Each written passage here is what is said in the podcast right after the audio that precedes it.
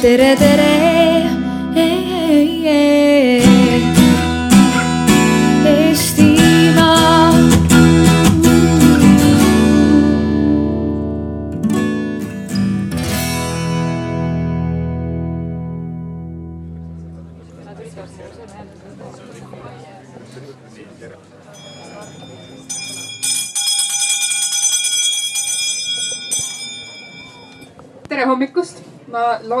Nüüd ikka veel kuulete meid peale mind peale seda, kui teie kõrvad on lukustatud selle karmi kellahelinega. aga tere hommikust või õigemini tere lõunat äh, ja tere tulemast Arvamusfestivali haridusalale. ma loodan, et äh, teil on kõhud täis söödud ja te olete valmis äh, meie tänaseks neljaks aruteluks siin ja me kohe varsti alustame esimese aruteluga, milleks on, kes päriselt õpetab, õpetaja või influencer. Ootan aktiivselt äh, teie osalust, teie mõtteid, teie enda kogemusi, mis teemaga seonduvad, nii et äh, täiesti vabalt äh, öelge need julgelt välja. igatahes ma loodan, et teil saab olema huvitav arvamusfestival nii haridusalal kui ka kõikidel muudel aladel vot nii, siin esimeses reas on ka veel veits kohti vaba. ilmateade hoiatas, et hakkab sadama. Minul on igatahes kummikud jalas, ma ei tea, kuidas teiega. nii et kui siin arutelu jooksul hakkab sadama, siis mahutame teid ära siia telki lihtsalt kõik nii et siis võite sissepoole liikuda. algab meie esimene arutelu. kes päriselt õpetab? õpetaja või influencer ja ma palun siia meie esimesed panelistid nii, tere tulemast. ma näen, et inimesi veel ligineb. alustame siis meie esimese aruteluga, mille pealkirjaks, kes päriselt õpetab, õpetaja või influencer ja tegemist on siis Tartu Ülikooli Haridusteaduste Instituudi korraldatud aruteluga ja lühidalt ma loodan, et ma arvan, ma eeldan, et kõik inimesed, kes siin viibivad, on mingil määral koolis käinud võib-olla mõned väiksemad, seal taga on üks pisikene, kes võib-olla ei ole veel. aga kool on olnud osa meie igapäevaelust äh, nii täna kui viiskümmend aastat tagasi. ja kool on selle jooksul kindlasti vähemalt veidike muutunud ma just siin kuulsin tegelikult, et seesama koolikell, mida ma helistasin, et tänapäeval ei ole selliseid kellasid. et, et võib-olla mõnele ei ole see üldse tuttav tegelikult, et lihtsalt mingi äh, räige lärm. aga samal ajal äh, kooli kõrvalt on muutunud palju muu maailm ja on muutunud need eeskujud, mis meie tänapäeva noortel on ja, ja kes need on. ehk uue põlvkonna eeskujudeks ja mõjutajateks on siis palju saanud online maailmas tegutsevad influencer'id ja nende platvormid on ka siis äh, väga erinevad sellest, äh, mis nad kunagi olid. ja, ja meie eesmärgiks täna on siis veits avada seda teemat ja mõelda sellest, et kas äh, õpetajad peaksid tänapäeval olema kursis selle online maailmaga ja nende inimestega, kes seal tegutsevad. kas nad peaksid võib-olla koolis kuidagi sellel teemal sõna võtma, kas nad võiksid olla need inimesed, kes kritiseerivad või analüüsivad või võib-olla üldse ignoreerivad täiesti seda teemat. ja, ja me mõtleme ka sellest ja arutleme sellest, et äh, kas need uued arvamusliidrid äh, mõtlevad ise sellele, et milline on nende vastutus ja, ja mis infot nad jagavad ja kas nad on ise kriitilised selle suhtes. ja kõige lõpuks äh, mõtleme ka sellest, et kas nendel mõlemal poolel äh,, influencer itel ja, ja koolil ja õpetajatel võiks olla üksteiselt äh, midagi õppida ja midagi kaasa võtta, et kas äh, kas õpetajad saaksid kasutada mingeid meetodeid või materjale selleks, et äh, oma koolitunde üritada äh, kuidagi huvitavamaks teha. ja me teeme seda kõike täna sellise kaasava paneeli äh, stiilis, mis tähendab, et meie siin ees kuuekesi mõtleme arutleme ja ma vahepeal pöördun teie poole ja küsin, mis teie arvate, mis on teie kogemused, teie ideed ja, ja kui teil vahepeal tekib mingeid äh, mõtteid, siis andke käega märku. Te arvatavasti peate aktiivselt lehvitama, et ma teid märkaks. ma küllap ei saa teile kohe sõna anda, aga ma jätan teid meelde ja, ja siis, kui hetk tuleb, siis äh, ma suunan äh, teie poole mikrofoni. kuna meil on siin kuus mikrofoni, siis arvatavasti peab veits sebima, et saada see mikrofon teieni. muidu, kui teil on küsimusi, siis need on ka okei okay,, ma eelistaks mõtteid aga noh, okei okay,, kui te ka tahate küsida, siis võib. et äh, siis, kui te küsite, siis ma kordan selle küsimuse ise üle, äh, kuna meid lindistatakse. Et äh, mõelge kõige peale, mis te ütlete. kõik läheb linti. et, et siis see küsimus jääks ka lindi peale. ja aega on meil umbes tund, tund viisteist. nüüd me oleme juba veits üle aja läinud oma algusest, aga jooksvalt vaatame, et kui äge meil siin on. ja ma tutvustan ka meie paneliste Äh, esimeseks äh, meil on Inga Kukk, kes on täna lapsevanema rollis. ta on siis äh, ühe teismelise ja ühe noorema lapse. üks teismeline, üks, ühe teismelise lapse vanem. ja samuti on ta haridusministeeriumis nõunik ja Euriidese programmi koordinaator.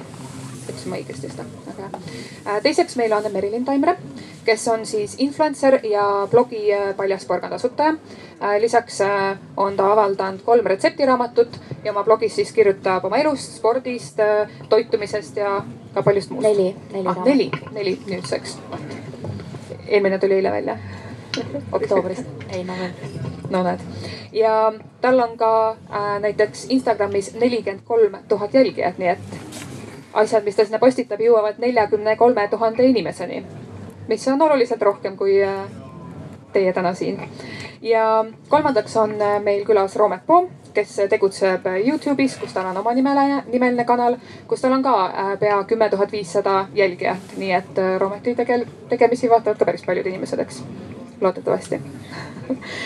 Ja neljandaks jah, neljandaks on meil Robin Kovit, kes on Viljandi gümnaasiumi abiturient nüüdseks vist. Õige. väga hea ja ta kuulub ka õpilasesindusse ja see aasta aitas siis oma, äh, koos oma sõpradega Viljandi gümnaasiumil võita aasta kooli auhinna. nii et äh, pärjatud noor. ja viimaseks on äh, Martin Pent, kes on õpetaja Haljala gümnaasiumis, õpetab bioloogiat ja geograafiat ja lisaks siis avaldanud ka mitmeid arvamuslugusid Virumaa Teatajas ja ERR-is, näiteks ka personaalhariduse teemal. mina olen Kärt Lehis olen TD Stratlabist äh, ja tegutsen seal konsultandi ja moderaatorina ja täna siis äh, juhin seda arutelu ja küsin küsimusi. jah, ja nüüd, kui me läheme selle sisulisema osa juurde, siis äh, ma kõigepealt ka veidi defineeriks mõningaid sõnu, mis me hakkame siin kasutama nimelt äh, üks äh, sõna, mis meil kindlasti läbi käib, on haridus ja haridus meie arutelu äh, mõttes tähendab siis põhi- ja keskharidust ehk esimesest klassist kuni gümnaasiumini. et täna me siin arutelus kõrgharidusest otseselt ei räägi ja seda otseselt ei mõtle. teiseks kindlasti võiks hetkeks selgitada, kes on siis influencer. lihtsamalt öeldes võiks influencer olla mõjuisik, mõjutaja, on viimasel ajal meediast läbi käinud ka sõna suunamudija. aga näiteks Roomet siin äh, enne ütles, et, äh, et talle meeldib ka sõna sisulooja ehk äh, nad loovad sisu. ja näiteks Cambridge'i sõnaraamat ütleb, et influencer on keegi, kes mõjutab või muudab inimeste käitumist. näiteks läbi sotsiaalmeedia kasutuse. ja influencer'id tänapäeval siis võivad olla väga erinevatel platvormidel, näiteks blogides, Youtube'is, Instagramis. Nad võivad olla tiktokkerid. kes teab, kes on tiktokker? mõni inimene teab, okei okay., teistele jääb saladuseks, imeliseks saladuseks, millele te saate otsida vastust pärast arutelu, kes on tiktokker. ma sain teada, et selline asi on olemas üleeile. iga päev õpid midagi. aga ma arvan, et ükskõik, mis vanuses me siin oleme, meil kindlasti on olnud, ütleme influencer eid oma elus, kuigi me tollel hetkel ei mõelnud neist nii, sest seda sõna ei olnud isegi olemas. et kui kunagi võisid need olla rohkem võib-olla näitlejad, muusikud, Anne Veski näiteks, miks mitte, tal on vinge soeng. et äh, siis tänapäeval on äh, näiteks nendeks äh, Martti Hallik või Henn Sugusta, Maria Rannaväli, aga miks mitte ka needsamad, samad muusikud, et Karl-Erik Taukar ja, ja Kristel Aaslaid on ka omamoodi influencer'id, näiteks kaks tuhat seitseteist aastal äh, olid nad kampaanias Septembris ei joo ja, ja üritasid äh, kutsuda siis kõiki inimesi ja oma jälgijaid septembris mitte jooma. või minu enda jaoks on näiteks väga huvitav olnud äh, Lady Gaga, kes on ka muusik, kes on äh, tugevalt siis toetab äh, LGBTQ kogukonda ja, ja kutsub oma järgijaid väikesteks koletisteks. ja, ja on siis loonud sellise tugeva kogukonna inimestest, kes jagavad samu väärtusi ja, ja kes tunnevad, et, et tänu tema tegevusele on nad kuidagi omaks võetud ja nende omapärad, eripärad äh, on väärtustatud. aga ma alustaks äh, ja küsiks kõigepealt teilt, et äh, kes teie arvates on influencer? kas see sõltub sellest, palju tal on jälgijaid või sellest, kuidas ta iseendast mõtleb? Robert. ja äh, ma arvan, et kui me hakkame täiesti algusest peale, minu jaoks on influencer ka näiteks äh, vanatädike, kes tuleb, kui ma näiteks korterist alla lähen ja vanatädike tuleb ja naeratab ja ütleb tere. ehk see influence sõna mõjutama, ta mõjutab mind ja küll mitte sotsiaalmeedia platvormil äh,. aga ta mõjutab mind, et mul on toredam ja ilusam päev, võib-olla ma lähen rohkem parema tujuga nii-öelda päevale vastu. aga üleüldises mõttes jah, selles mõttes, et ma mõtlengi, et nagu mõjutajad on igal pool meie ümber kõik äh, asjad, olukorrad, isegi ilm on selles mõttes influencer. et seepärast ma ütlesin ka, et äh, mulle meeldib sõna sisulooja rohkem, sest et me loome ikkagi selles mõttes sisu.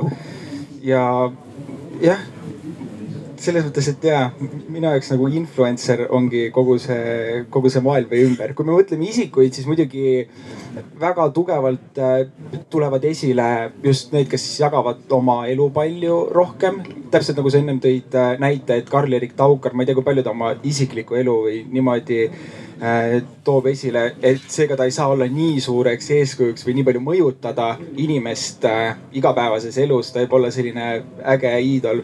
Karl-Eerikul on ka äge soeng by the way ja et võib-olla need, kes siis äh, rohkem oma elu näitavad, selles mõttes nad, äh, see sõna influencer ja see kontekst, millest me hetkel räägime, et see võib-olla tuleb sellest, just selles mõttes rohkem sealt läbi. okei okay., Robin, kuidas sina tunned, et äh, kes on influencer sinu jaoks, kuidas sa vaatled seda? ma arvan ka just, et see väga selline suur oma elu jagamine kuidagi või oma elutegevuste jagamine, oma mõtete, arvamuste jagamine, et ma arvan, just see teeb influencer'ist influencer'i, et, et kuigi jah, selline nagu see vanatädi naine või näide, et sa saad oma kellegi päeva mõjutada mingi ilusa komplimendiga või millega iganes, aga, aga just see, et sa väga palju oma arvamusi, oma tõekspidamisi ja oma tõesti eraelu nagu jagad võib-olla teistega. mina peaksin seda influencer'iks. okei okay., nii et, et põhimõtteliselt me võime kõik olla influencer'id, kui me äh, mõjutame teisi inimesi, aga siinkohal siis just see sisuloome ja, ja sotsiaalmeedias mingi uue asja Äh, väljapanemine, oma elu jagamine ja, ja noh, samas ega kõik influencer'id ei jaga ka ainult oma elu, et on ka ju palju kanaleid, mis äh, äh jagavad noh hariduslikku sisu või äh, räägivad noh alates bio, bio, bioloogiast kosmoseni ja, ja ükskõik millest, eks ju. aga kui nüüd liikuda edasi selle juurde, et äh, miks siis inimesed jälgivad neid influencer'e, miks, miks nad äh, on popid? mis sa arvad? seal on äh, kindlasti väga mitu erinevat aspekti. number üks on see, et sa eristud teistest, et sul on oma mingi kindel tõekspidamine, oma arvamus. sa ei karda olla arvamusliider ka nii-öelda mitte nii levinud vallas, et sa ei karda välja öelda midagi, mida teised võiksid hukka mõista. siis kindlasti ähm, ongi lisandväärtuse andmine, et sa ei räägi lihtsalt teemal, millest kõik on teadlikud ja mis ei anna kellelegi mingit äh, lisainfot vaid sa tõstatad teemasid, mis võivad puudutada inimeste südameid ja mida nad hea meelega läheksid ja loeksid ja saaksid targemaks. Need on, ma arvan, kaks põhiasja. aitäh. Äh, Inga, sina ütlesid enne, et sa rääkisid oma lapsega, et kas tema ka ütles, väljendas seda, et miks tema arvates nad võib-olla on popid? Äh, kõigepealt ja kui ma rääkisin, et ma siia tulen ja, ja küsisin siis natukene konsultatsiooni oma viieteistaastase neiu ja, ja mõned oma klassikaaslase käest, äh, siis äh, nemad väga kergitasid nagu kulmu selle influencer'i sõna peale ja ütlesid, mis mõttes, et, et või et sealt tuli väga hästi jällegi selline niisugune teismelise selline rebel vastaline suhtumine, et, et mind küll keegi ei mõjuta ega mina ei lase ennast kellelgi mõjutada, et mina olen ikkagi ise parasjagu just kõige targem. Äh, aga mis pani mind muidugi siis omakorda jah mõtlema, ja, ja et, et noh, need on, et teadlikult olete vastased, aga et või, või sellised nagu vastalised, aga et, aga et kuidas siis sellise noh alateadliku teiste hoiakute omaksvõtmisega on lood või, või et kuivõrd, kuivõrd te üleüldsegi ise lapsukesed tajute, et, et teid mõjutatakse? Mul jäi vastus täpsustamata, ma rääkisin tegelikult täiskasvanutest, kuna minu lugejaskond on kõik täiskasvanud naised enamjaolt ja väga väike osa on alaealisi üldse, ma arvan, et sihuke paar protsenti üldse. siis äh, kui rääkida lastest, siis ma arvan, nemad jälgivad äh, nii-öelda neid influencer eid või äh, sotsiaalmeedia mõjuisikuid just seepärast, et sõbrad jälgivad, neile meeldib teha seda, mida ülejäänud nagu noored teevad ja kuuluda kuskile, et neil on nagu ühine jututeema, neil on ühine vaatamine, siis nad võtavadki aja ja ma ei tea, vaatavad koos mingeid Youtube'i videosi või arutlevad nende üle, et kas nägite, et tuli uus video välja, kõik oleksid kohe kursis, mis elus on toimumas.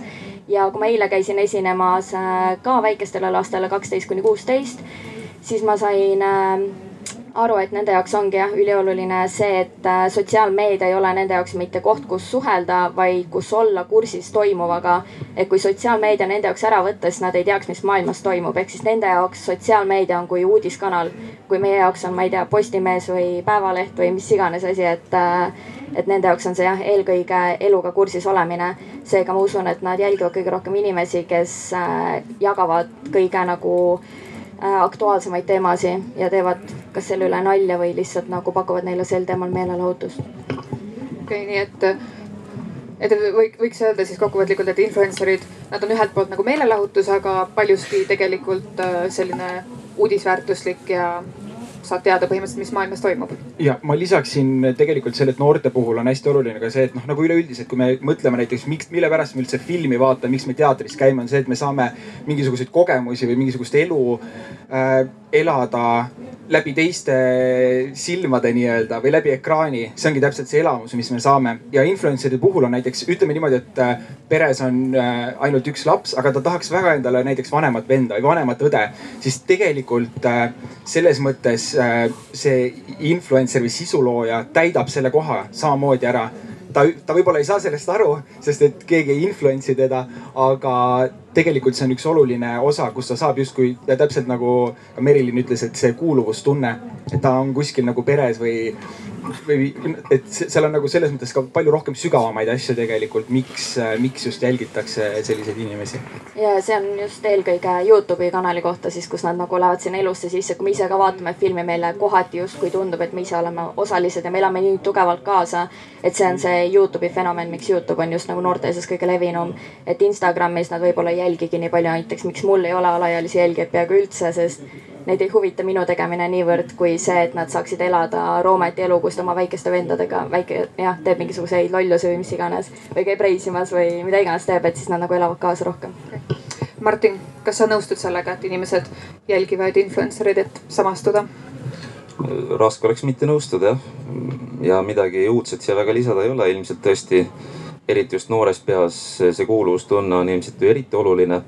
ja ehk ka asjaolu, et kui me endiselt räägime koolilastest, siis see on veel selline tundlik iga, kus eh, ilmselt paljuski otsitakse sellist eh, nii-öelda mudelit võib-olla, kelle järgi oma elu nii-öelda seada või tõesti kellelt eeskuju võtta. ja ilmselt kuidagi mulje on jäänud, et inimestele alati igatepidi meeldivad inimesed, kes eh, kellel nagu öeldud siin sai ka, et on piisavalt julgust, et nii-öelda tõesti ennast esile tuua, et see võib olla kahtepidi. kas tõesti, et see põhjustab sellist äh, nii-öelda vaimustust või kaasaelamist ja sellist samastumist või ka nii-öelda vastupidi, sest ilmselt äh, me teame isegi, et äh, nii-öelda paljude jaoks see mingi esiletoomine tähendab just, annab nii-öelda võimaluse temaga näiteks vastanduda. aga nii-öelda lõppkokkuvõttes ka see on ilmselt parem, kui et ei ole üldse kedagi, ei ole üldse nagu midagi, millega ennast võrrelda et äh, jah, ei oska midagi rohkem siia lisada. aitäh. Robin, kas sina jälgid mõnda influencer'it? Äh, Eesti sellisel influencer'i maastikul ma küll ei ütleks, et mul kedagi sellist, äh, kedagi, keda ma aktiivselt jälgiksin, oleks, aga, aga välismaa mingid Youtube erid ikka, et, et netist ma põhiliselt vaatangi natuke Netflixi, natuke Youtube'i, et, et seal kindlasti, kuigi ma nagu jällegi eneseteadlikult ei lase ennast mõjutada sellistest asjadest, siis ikkagi mingid poliitilised vaated võib-olla või, või sellised asjad nagu kanduvad natukene üle kindlasti. aga ma arvangi, et miks ta just nagu see noorte selline suur, nagu sa ütlesid, et sind põhiliselt jälgivad nii-öelda vanem vaatajaskond on ju, aga et miks noored nagu sellist siis nii väga jälgivad, ongi see selline eeskuju vajadus ka, ma arvan, sinna juurde veel ja see eksootilisema elu elamine, et, et äh, jah. aga need influencer'id, keda äh, või sisuloojad, keda sina jälgid, kas sa oled märganud, et, äh, et nad ise kuidagi tajuvad või, või isegi ütlevad välja seda, et nad saavad aru, milline mõju neil on? Ehm, no ma pigem mõtlesin näiteks äh, suuremaid mingeid ähm, kasvõi meediakanaleid, näiteks Fox Media, et kuidas see on selline pigem äh, poliitilisem kanal on ju, aga et äh, nemad ongi ka päris kindlad selles, et nad räägivadki, et äh, võib-olla meie vaade on natukene nagu muditud nii-öelda, et. et võib-olla läbi selle on ka selle vaataja vaade muditud, aga ma ei tea, kas nad just päris influencer'i alla lähevad. kas teie tajute või mõtlete sellele, et milline on teie vastutus kõigi nende jagatud äh, teemade suhtes või, või selle suhtes, mis te siis, see, see sisu, mis te loote? Ma ütleks, et kindlasti selles mõttes, et ma, kui ma alustasin, mul polnud kindlasti seda mõtet, et see kogu asi võiks nii suureks kasvada, et, et mingisugune mõju üldse sellest tekiks. aga, sest et mul endal, kui ma alustasin üldse Youtube'i, mul oli väga selge eesmärk, ma, mul oli eesmärk teha vähemalt ühe inimese elu ilusamaks, vähemalt ühel päeval, kui ta seda videot vaatab. see oli mu eesmärk ja kui äh, üks väike Kadi kirjutas mulle, et ta, ma olen ta lemmik Youtuber, siis ma tundsin, mul oli justkui eesmärk täidetud, aga selles mõttes sellel samal momendil ma sain aru, et okei okay,, nüüd on mul mingisugune vastutus tekkinud. Ja ma mõistsin ka seda, et äh, vaatajaskond, kes oli tekkinud äh, mulle, on minust nii palju noorem, et ma võib-olla pean natukene muutma seda sisu, sest et äh, minu jaoks oli äh,. või noh, kuidas ma nagu sõnumit edastan, sest et minu kui videolooja jaoks on ma annan videoga sõnumi edasi, aga täpselt samamoodi jällegi nagu filmides otseselt ei ütle keegi, et mis selle filmi nüüd suurem tähendus on, et näiteks hoia oma sõpru lähedal või mis iganes. selline alatoon, mis seal kogu aeg läbi käib. ma, et ma viimases viimaste videote puhul olen seda natukene teadlikult esile toonud, et äh, ka noorem äh, vaataja saaks päriselt aru, mis ma selles mõttes õppisin, mitte see, et kui ma satun halbadesse olukordadesse, olen seal jõle positiivne ja tore. et siis äh, võib-olla see jääbki lihtsalt mulje, et oh, lihtsalt Roomet on tore seal kaamera ees ja ta nagu ei mõtlegi rohkem sügavamalt, aga nüüd ma videote lõpus, viimasest videost alates olengi hakanud tooma välja just nagu õppetunde, mida ma õpin, õppisin nendes olukordades, et just ka nooremad saaksid sellest aru, et see, selles mõttes see vastutus mingis mõttes seal on. ma tean, et ma teen ka lolluseid. Äh, kui keegi ei ole näinud, siis näiteks ma lõikasin autol katuse maha ja sõitsin pesulasse sellega. Äh, ma ei arva, et äh, lapsed nagu teevad seda otseselt järgi, aga minu idee oli jälle see, et kui sul on mõte, vahet ei ole, kui hull see on, lihtsalt tee ja ela elu, on see alatoon tõenäoliselt väga paljud ei saanud sellest aru ja kui Delfi selle uudise üles võttis, siis ma sain korralikult heiti seal kommentaariumis, et ma olen täis loll. aga, aga just see, no see alatoon selles mõttes on mul puhas, aga teine küsimus, et kas see tuleb sealt, sealt läbi? Okay.. nii et sa tunned, et sa oled hakanud nagu rohkem teadvustama seda, et, et inimesed tõesti võtavad sind eeskujuna täpselt ja just äh, nii-öelda adapteerunud natukene, et ka nooremad mõistaksid seda. ma arvan, et minu vanus, et noh, sest et mul on põhiline kaheksateist kuni kakskümmend viis on mul kõige suurem, viiskümmend protsenti vaatajaskonnast äh,. siis ma arvan, et nemad võivad seda juba sellest aru saada, aga sealt nooremal pool kindlasti mitte.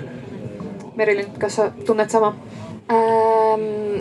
ja ma tajun ilmselgelt on vastutus suur selles mõttes, aga uh, siin ma võiksin lausa järgmise raamatu, viienda raamatuni kirjutada sel teemal seal on väga vastumeelsed äh, arvamused mul.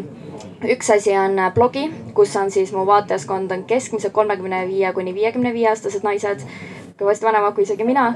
et äh, nad kindlasti saavad aru, mis on minu arvamus ja mis on minu tõde ja mis on nende arvamus ja nende tõde ja nad oskavad nii-öelda hoida kinni ka enda tõekspidamistest ja kohe ei lange nagu minu mõju alla, et nii on õige nii, nii ma nüüd teen. nagu võiks teha võib-olla tõesti mingi kümneaastane laps aga sellegipoolest ma otsustasin ka hakata päris huvitav samaaegselt umbes äh, lisama nii-öelda disclaimer eid, mis ongi mul kas kohe blogipostituse alguses välja toodud või lõpus, kuna ma ei kirjuta lihtsalt, et aa, ma täna kandsin neid riietusi või mulle meeldib üks uus toit, ma ei räägi nagu sellistel teemadel, vaid ma räägin päris sihukestel elumuutvatel teemadel siis äh, ma otsustasin jah lisada disclaimer'i, kus ma ütlengi, et äh, see on nüüd minu arvamus, minu vaatenurk ja ma ei ütle, et see on äh, universaalne tõde, vaid see on lihtsalt üks vaatenurk, kust alt äkki muuta oma perspektiivi või midagi uut õppida teistest inimestest kasvõi. et see disclaimer on lisatud ja siis ka see, et ma toon ilmselgelt väga mustvalgeid näiteid, et inimesed paneksid tähele seda kontrasti kahe äärmuse vahel. sest äh, ma ei suuda välja tuua igat nagu nii-öelda halli varjundit, siis igat näidet ma ei suuda välja tuua. et äh, see on nüüd nagu blogisse lisatud, sest äh, sellega, kui ma lisasin selle ära, siis kommentaare on nagu kakssada korda vähem kui enne oli, et issand, see on nii äärmuslik vaatenurk või see on nii äärmuslik näide, et see kohe kindlasti ei kehti kõigi puhul. sa pidid igale inimesele eraldi seletama, et jah, see ei kehti kõigi puhul, see oli lihtsalt üks näide. Aga rääkides Instagramist, siis see on mul tegelikult rohkem isiklik kanal et äh, kuigi ta kannab nimetust Paljas porgand, siis äh, tegelikult jah, ma teen seal ka tööd, aga samas ma näitan näiteks story des väga autentselt oma isiklikku elu, mistõttu seal on ka nagu nooremat jälgijaskonda veidi rohkem kui blogis. et äh, seal tuleb küll vahepeal kommentaare, et ma ei tea, ma tegin endale kurgi, tomati, kodujustusalatit ja siis mulle tuli kommentaar, et neid kahte ei tohiks koos süüa, seepärast et kurk ja tomat, nende vitamiinid omavahel sekkuvad ja siis need ei imendu, et sa ei tohiks neid koos süüa, et inimestele jäävad igasugused asjad ette ja siis väga tihti küsitakse, et äh, kas sa oled äh, kui sa midagi sihukest jagad, et kas sa mõtled ka, et äh, noorem vaataja võib seda järgi teha see on nüüd see koht, kus äh, lapsevanem peaks mõtlema, kui palju ta on õpetanud oma last ise mõtlema, ise otsuseid langetama ja vanematele nii-öelda toetuma ja küsima, kas ma võin ka nii teha või kas see on okei okay nii teha. et äh, see on see koht, kus äh, lapsevanemad peaksid õpetama oma last tulekahju kustutama, mitte nad ei peaks jooksma siis sütitaja juurde ütlema, et nii ei tohi teha, sest see tulekahju jääb sinna et äh, kui me võtame kasvõi muusika, siis tehakse väga depressiivseid lugusid, kus räägitakse enda tapmisest pärast äh, armastu kaotuse, armastatu kaotusest, pärast armastatu kaotust. aga sellegipoolest me ju ei jookse selle laulja juurde, et kui sa siukseid sõnu ütled ja mu kümneaastane poeg kaotab oma esimese silmarõõmu, siis ta läheb sooritab enesetapu, et see ei ole päris niimoodi, et äh, sa ei jookse kellegi juurde parandama seda, mida tema on julgenud välja öelda, vaid sa räägid oma lapsega, et see on nüüd väga äärmuslik lugu, et äkki me ei kuula neid lugusid äkki me valime koos, mis lugusid me kuulame.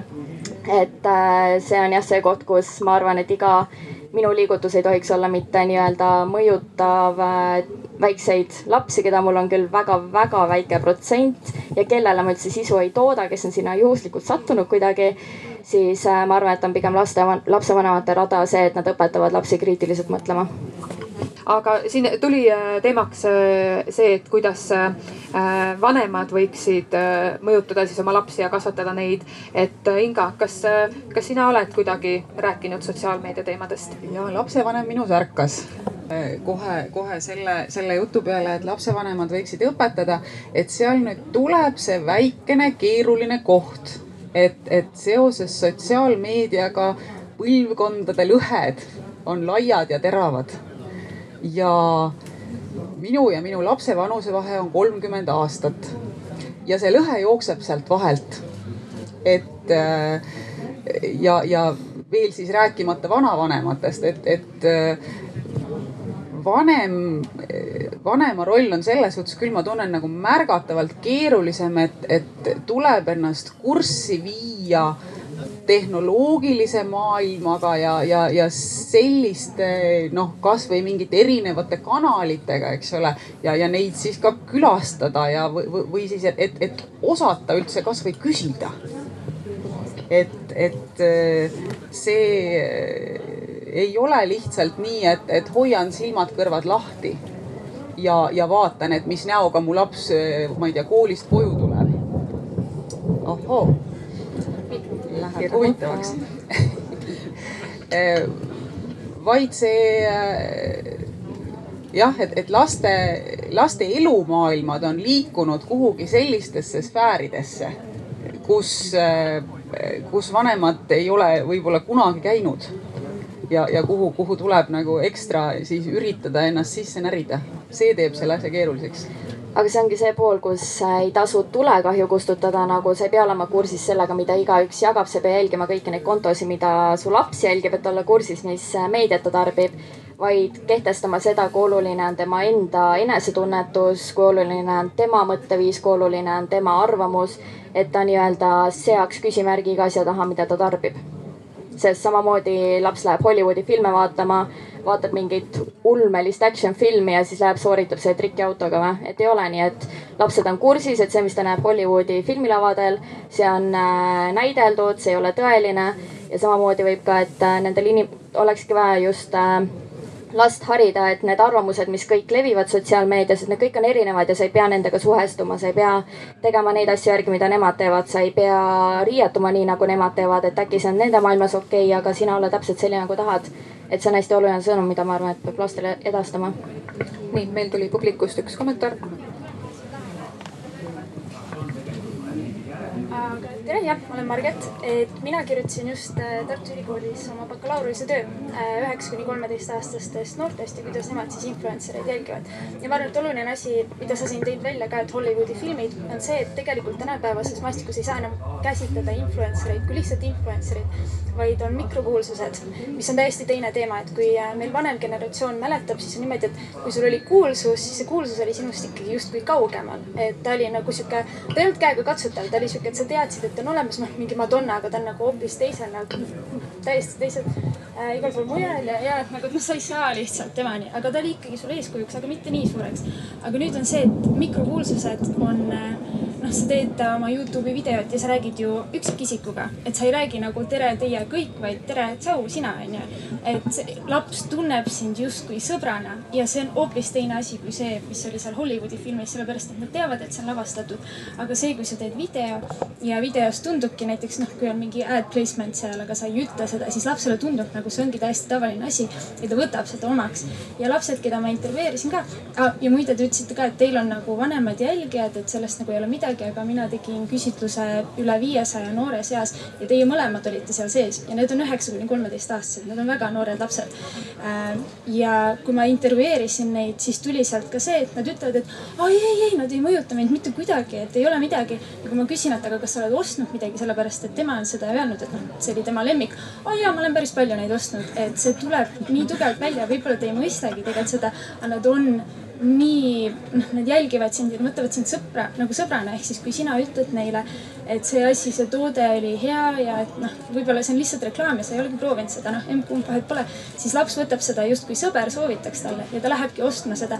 ja mul oli noori, kes ütlesid, et nad on võtnud oma ema krediitkaardi ja läinud nagu ostma mingit merch'i, sellepärast et noh, et tema lemmik nagu soovitas seda. ja tõesti oligi see, et nad ei taha nagu rääkida influencer itest, aga kui ma räägin Youtuber või Instagramer, et siis on nagu fine. et tulekski mõelda, et ja äh, kuigi tuleb välja, et seal selles Instagramis või Youtube'i statistikas, et äh, vanus, kes teid jälgib, on nagu vanem, siis tegelikult on see, et lapsed ei saa teha kontot alla kolmeteistaastased vist Google'is, mis tähendab seda, et nad panevad kohe selle automaatselt kahekümne peale. nii et ta tegelikult ei mõistagi, kui palju seal nagu on. täpselt nagu Youtuber The Tomsikene, kes ütleb, et temal on nagu jälgijad on kõik kaheksateist pluss. ta oli üks populaarsematest üheksa kuni kolmeteistaastaste seas. ja kui tema ütleb seal, et umbes, et äh, ma ei tea, et äh, kõik mustanahalised tuleks põlema panna ja ta mõtleb seda naljana, aga sul on nagu laps, kelle peres näiteks ongi sihuke rassismi nagu kalduvus, siis ta võtabki selle omaks, sellepärast et sõber ju ütles et ma arvan, et see on sihuke koht, mille peale tuleks mõelda. aitäh, väga huvitav mõte. Äh, mul tekkis siin kohe idee, et et, et kui küsimus oleks, minu küsimus oli põhimõtteliselt, et, et kuidas tekitada noortes sotsiaalmeedia kriitilisust, siis võib-olla peaks küsimus olema, et kuidas lapsevanemad peaksid oma lastele rääkima, et ära usalda oma sõpru kõiges. et, et kui influencer eid ja, ja kõiki neid, keda nad jälgivad, võetakse kui sõpru, et, et kuidas kriitiliselt mõelda, et ükskõik kus su sõber on, kui vana ta on, et kui ta ütleb, et osta midagi või räägib millestki, et, äh, et siis peab selles suhtes olema kriitiline. aga äh, mul tuli veel üks väike märkus, mis ka võib-olla just tuleb, tuleneb ühelt poolt ka Eesti väiksusest. et sageli tegelikult ei olegi mitte ainult, et, et see minu lemmik Youtuber nagu tundub mulle lähedane, vaid et, et noh, ma teangi kedagi, kes teab või, või kellegi, ma ei tea, vanema venna sõber või, või trennikaaslase, eks ole, sugulane, et et, et ühelt poolt tundubki, et jaa, et noh, ta on mul peaaegu päris tuttav ja teisalt see selline petlik efekt, et see, mis sealt kaamerast paistab, et see ongi päris. Et see teeb sellele noorele vastu, vastuvõtlikule hingele tõesti noh, tootetutvustused okei okay, tarbime rohkem, tarbime vähem, on võib-olla veel selline nagu pinnapealsem osa, aga just noh, mingite ka sügavamate hoiakute ja väärtuste ja elu, eluvaate selline, selline omaksvõtt, et ta selle nagu tõelisuse illusiooni tõttu tuleb kuidagi, juhtub kergemini, mul on tunne. Ja ma arvan, et miks just äh, lapsevanematel ongi nii keeruline sellega kaasas käia, ongi see, et selline see mikrokuulsuse termin või selline, selline vahetu sõber on just tänu internetile tulnud, et interneti kaudu on sul võimalik kõike seda ju nii vahetult jagada ja nii nagu lähedale ennast selle, selle kuulsusega seada, onju, et. et ta on täpselt samades, äh, ma ei tea, kanalites, mis mina onju, ta teeb täpselt samu asju. ja sellele, ma ei tea nelikümmend pluss äh, lapsevanemana mõelda sellele asjale, see võib tunduda nii nagu hoopis mingi teine maailm, et äh, ei oskakski sellega toime tulla, kui pole ise näinud. ma lubaks ka kommentaari. Äh, kas siin seda nagu ohtu ei teki, näiteks olles nii-öelda see suunamudi, et ütleme, kui tõesti luua läbi ekraani selline ikkagi personaalne suhe. kas need, ütleme siis eriti need nooremad, kas ei või selline teatav illusioon tekkida, et justkui nemad usuvad siiralt, et vot temal ongi selle inimesega ekraanil see nii-öelda isiklik suhe, aga olgem ausad, ma ei usu, et te suudate päriselt ennast jagada kümne tuhande või neljakümne tuhande inimese vahel. et äh, noh, kas te esiteks nõustute minuga, et kas on see mingisugune või kas teil on näiteks olnud selliseid kogemusi, kus kuidagi, kuidagi teid nagu oodatakse lihtsalt massides just, et kõik et te olete nagu sellisel familiaarsel tasandil tõesti nagu sõbrad teiega ja kas see ei ole koormav? Ähm, minule küll, minuga ei võta ühendust väga paljud lapsed, ütleme ausalt, et väga-väga üksikud ja siis nad panevad mingi südamemärgi või ütlevad, et ilus oled aga mul on jällegi hoopis neid naisi, kes pöörduvad oma väga-väga isiklike probleemidega minu poole, oma suhteprobleemidega, oma eluprobleemidega, räägivad mulle oma aknaloo ära, kirjutavad põhimõtteliselt mulle oma terve elu ära. et äh, tegelikult ma kuna ma saadan välja seda signaali, et ma olen nendega nii-öelda parim sõbranna ja ma olen aus nendega ja ma räägin neile oma elust nii nagu ta on, siis ma saan seda vastu ja kui nad mulle kirjutavad, ma ei tunne, et ma oleks nendega võõras. Et mul endal tekibki tunne nagu vot see ongi mu sõbranna. Ja tegelikult mul on tekkinud päris palju sõbrannasid niimoodi, kes ongi mul nii-öelda Instagrami sõbrannad, kellega me suhtlemegi kogu aeg. et äh, mina ei tunne seda vahet, aga ma ei tea, kuidas lastega on, ma arvan, et lapsed on lihtsalt väga vabameelsed ja nendega on lihtne olla vahetu ja vabameelne ja äh, kõigepealt ma tahan öelda, et ma väga nõustun sellega, mis äh, see mõte siit tuli, sada protsenti nõus, ma tahtsin hiljem paar seda täpselt sama pointi välja ka tuua. Äh,. kuna ma olen Youtube'i platvormil, seal on kindlasti rohkem lapsi äh,, siis ja ma ei ütle, et rohkem mul oleks täiskasvanud, ma tean, et see protsent on kindlasti suur, kes on lapsi. Ja mulle samamoodi kirjutatakse äh, Facebooki, tegelikult mul on täiskohaga töö äh, ja siis äh, töö ajal hakkab keegi Ats Pärnust mulle kirjutama, et mis teed. Äh, mis õhtul teed, kas sulle see multikas meeldib, et noh, selles mõttes, et ma saan nagu aru, kuigi ma, ma päriselt sada protsenti vastan, ma vastan kõikidele Youtube'i videokommentaaridele, mis mul on. ma püüan võimalikult äh, äh, nii-öelda personaalseks teha, kuna ma ise alustasin aasta aega tagasi, siis ma tean, et see on hästi oluline. ma iga video lõpus kommentaaris on mul see, et äh, kirjutage ükskõik mis küsimustega, ma aitan välja, äh, et mis iganes probleem on, ma tahan nagu selles mõttes sellist isiklikku äh, Äh, suhet luua oma jälgijatega, see on nagu veel lisandväärtus, mis ma saan luua, sest et ma videoid äh, täiskohaga töö kõrvalt nii palju ei jõua toota. aga siiamaani seda momenti ei ole olnud, kus ma lihtsalt upun äh, nende alla, loodetavasti tulevikus üks asi veel mul ka selle kommentaari kohta. jällegi on nii vastandlikud arvamused, ma olen jällegi kuulnud selliseid, ma ei tea, kas keegi on samamoodi teinud mingisuguse uuringu või küsitluse noorte seas, aga igal juhul noored pidid olema kõige kritiseerivamad selles osas, et nad pidid kõige rohkem aru saama, kus on reklaam, kus üritatakse mingit toodet müüa, kus valetatakse, kus ollakse autentne. et see oli jällegi uskumatult kõrge noorte seas, mistõttu ma jah, ma ei tahaks nõustuda, et nii tugev influence on tegelikult nendel, keda nad näevad, aga samas ma ei tea. pigem ma arvan ja, et see ah,, ma võin ma tegelikult äh, läheks tagasi selle äh, noorte ja selle kriitilisuse juurde, et äh, ma küsiks Martinitelt äh,, kas koolis äh, räägitakse sellest, kas koolis on mingeid aineid äh, sellel teemal? missugusel teemal täpsemalt? Põhimõtteliselt kõik, mis äh, jagatakse sotsiaalmeedias, et kas, äh, kas te olete, kas sa ise oled rääkinud oma õpilastega sellest, et ärge uskuge kõike või olge kriitilised, ärge jälgige, ärge ostke no need laused, mis te praegu ütlesite, need on kindlasti läbi käinud, et nii-öelda kõike ei maksagi uskuda ja kriitiline tasub ikkagi olla. et oleks eraldi aine, mis äh, keskenduks puhtalt sotsiaalmeediale. ei ole minu teada, ilmselt äkki ei ole vaja ka, sest äkki on see midagi sellist, mida võiks siis nimetada nii-öelda aineteüleseks. et äh, otse loomulikult on tekkinud, tekib ja loodetavasti ka edaspidi selliseid äh, kasvõi arutelusid, mis on siis ajendatult Eh, nii-öelda õpilastelt, kes on näiteks kuulnud midagi oma sellisest sotsiaalmeedia siis sõbralt või nii-öelda mõjutajalt. ja ta tõesti, ta toob selle nii-öelda esile, et nii-öelda tahta teist arvamust. minu meelest see on ainult teretulnud, eks ole, me saamegi nii-öelda rääkida, arutada ja siis nii-öelda seisukohta selles võt-, selles osas nagu võtta mm,. jah. tere, nimi on Juhan, septembrist tagasi kooliõpetajaks, vahepeal olin ka sotsiaalministeeriumis äh, paar tähelepanekut, esiteks seesama küsimus. Äh, ma ise õpetan ühiskonnaõpetust, juppi, juppi pidi ajalugu ka andnud. Aga tegelikult noh, punkt üks, see on üldpädevus, mis peaks aineteüleselt tõesti läbi jooksma. aga teine asi, mis tasub silmas pidada, on tegelikult see, et äh, me oleme täna rääkinud siin mikrotasandi mõjutajatest. kesk- ja siis makrotasandi mõjutajad on hetkel nagu jäänud välja, aga kui me räägime makrotasandist ehk siis noh, mis on miljon pluss jälge, mis on rahvusvahelised. siis tegelikult siin tasub arvestada väga tugevalt seda, et millise nii-öelda mullistunud sotsiaalmeedia pildi sa tegid. ehk siis tegelikult sellest, kuidas sinu sotsiaalmeedia platvormid algoritmi toel tekitavad sulle selle meediasfääri, nagu oli siin juttu, et kui sotsiaalmeedia ära võtta, siis nad ei teaks, mis maailmas toimub. aga vot siin ongi see, et millises maailmas. et tegelikult äh, see nii-öelda allikakriitilisus, see, kuidas sinu infoväli tekib, see on nüüd üks asi, mis tegelikult äh, on vajaka jäänud ja seda noh, ajapikku, mida rohkem ma seda ise olen uurinud, seda rohkem seda enda tundides ka, ka käsitlen.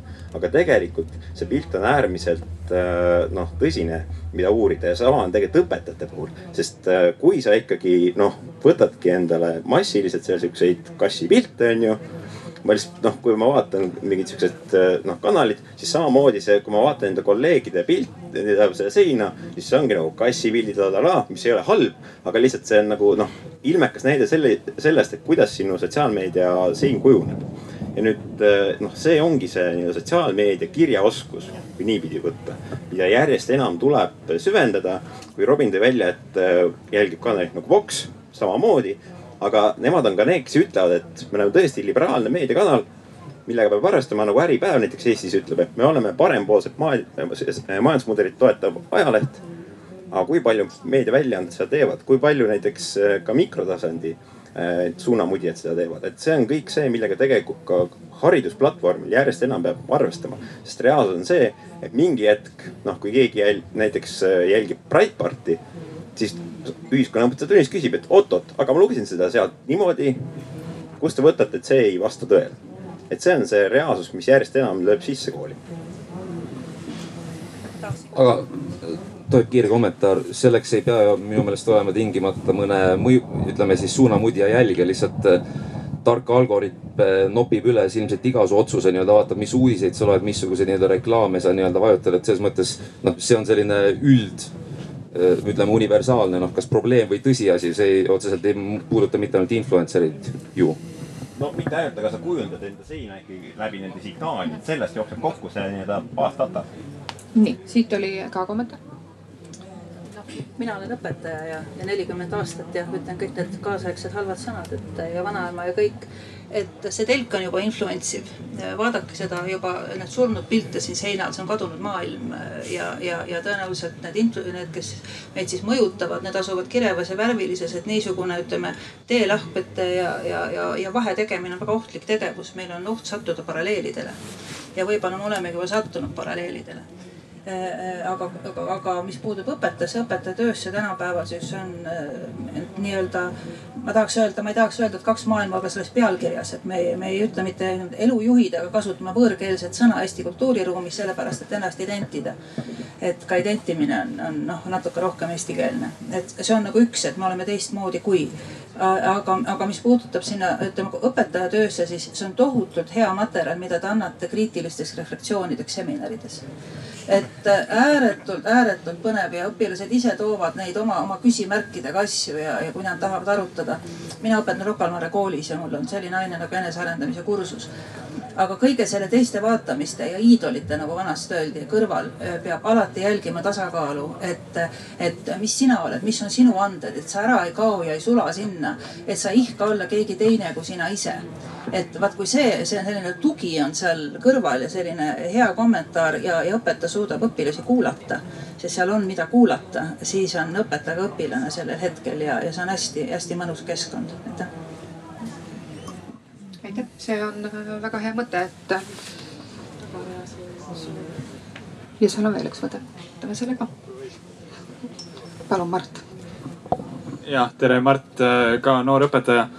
Äh, küsimus vist Martinile oli enne, et kas, kas koolis käsitletakse seda teemat, et, et minul, mina mõtlesin praegu seda, et Eesti hariduse suur mure on see, et õpetajaskond vananeb, kui meil keskmine õpetaja on päris vana ja ka lapsevanem tegelikult ütles, et, et seal vahel on tegelikult mitu generatsiooni, siis äh, ma oma kogemuse pealt äh, julgen kahelda selles, et, et ka tegelikult kui keskmine õpetaja on vana, siis ka võib-olla see keskmine sotsiaalmeedia kirjaoskus võib nii-öelda sotsiaalmeedia kirjaoskus tegelikult ei ole võib-olla nii hea, et, et mulle, mulle tundub, et see tegelikult peaks olema koolides rohkem teema, et kindlasti see mõnes koolis on teema aga ka kui ma näiteks oma, oma kooli peale mõtlen, siis äh, tegelikult seal see näiteks ei olnud üldse teema, et, et seda võib-olla võiks äh, koolides rohkem käsitleda. aitäh. Martin, kui kursis sina oled influencer itega, kas sa jälgid kedagi? Taaskord sõltub, mida me influencerite all mõtleme, kui sellist, ütleme elukutselist, siis äh, ausalt öeldes äh, ei jälgi võib-olla olen natukene, ei, ma ei ütle seda, et natuke liiga vana, aga lihtsalt ei jälgi. okei okay,, lihtsalt, aga, aga kas sa oled selles mõttes märganud, et koolis õpilased räägivad neil teemadel ja, ja tundnud, et sa tahaksid kuidagi ühineda selle vestlusega või et sa peaksid? Ikka olen tundnud, et räägitakse. ütleme, mina näen, et õpetaja jaoks ei ole nagu otseselt vahet, kustkohast see probleemi püstitus on, et kui see tuleb nii-öelda läbi influencer'i, mis iganes, äh, kas huvitav arutelu või mingi küsimus, mis jääb kedagi painama äh, suurepärane, eks ole, või see tuleb kodust või see tuleb õuest või see tuleb mingisugusest äh, otsesest või vahetust vaatusest. minul on ausalt öeldes ükskõik.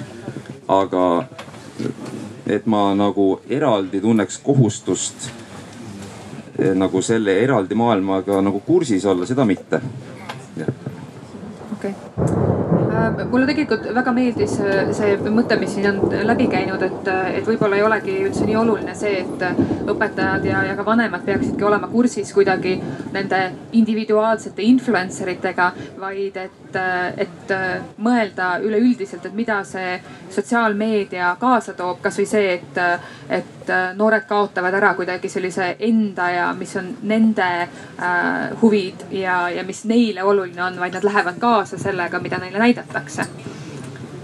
samas seal on kindlasti vastupidine pool, kus noored näevad nii suurt nagu mitmekülgsust sotsiaalmeedias, kuidas inimesed ei karda enam välja paista, kus nad kannavad täiesti nii-öelda ebanormaalseid riideid, mida tänaval kandes inimesed vaatavad kurja pilguga järgi, et issand, no mis ta selga pani, et kust ta tulnud on.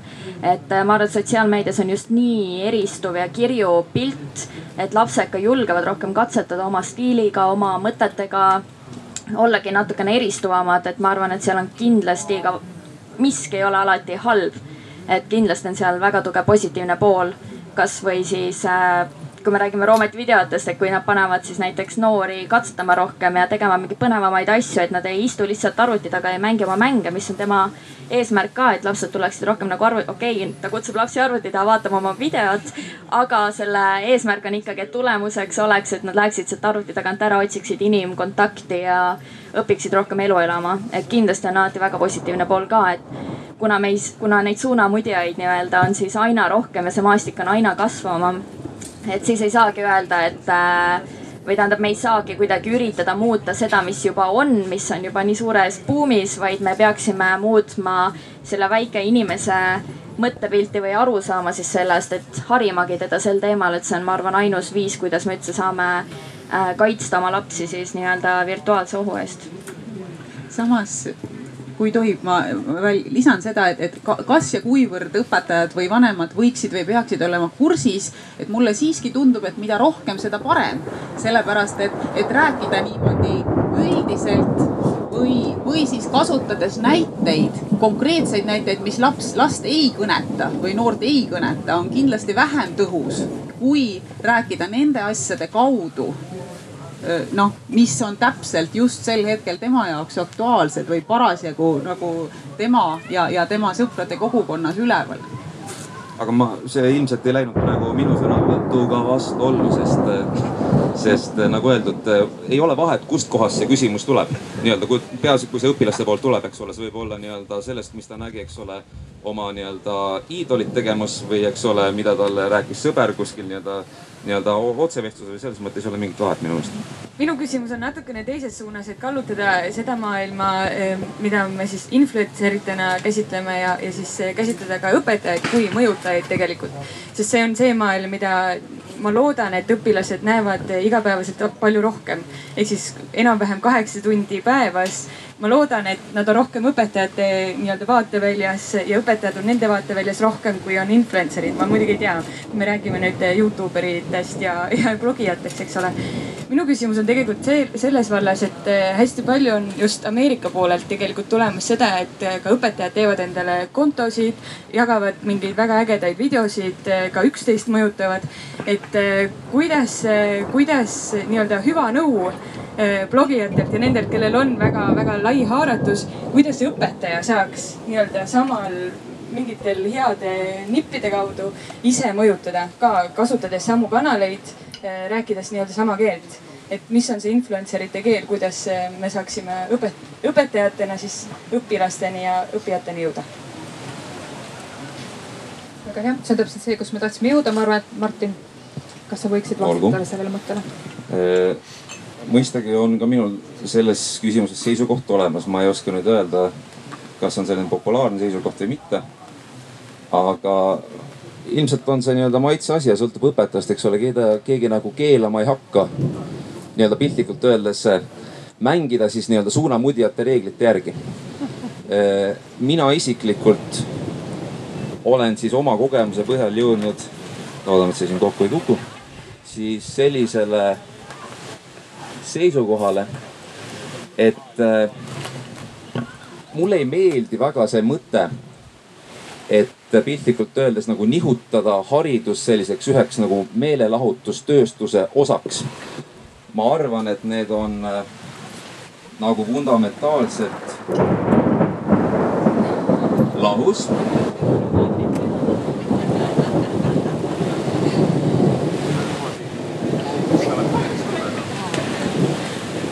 ning kuidas öelda, kogu see noh, nagu alateadlikult, kui me mõtleme selle peale, et noh, miks ei võiks õpetajad nii-öelda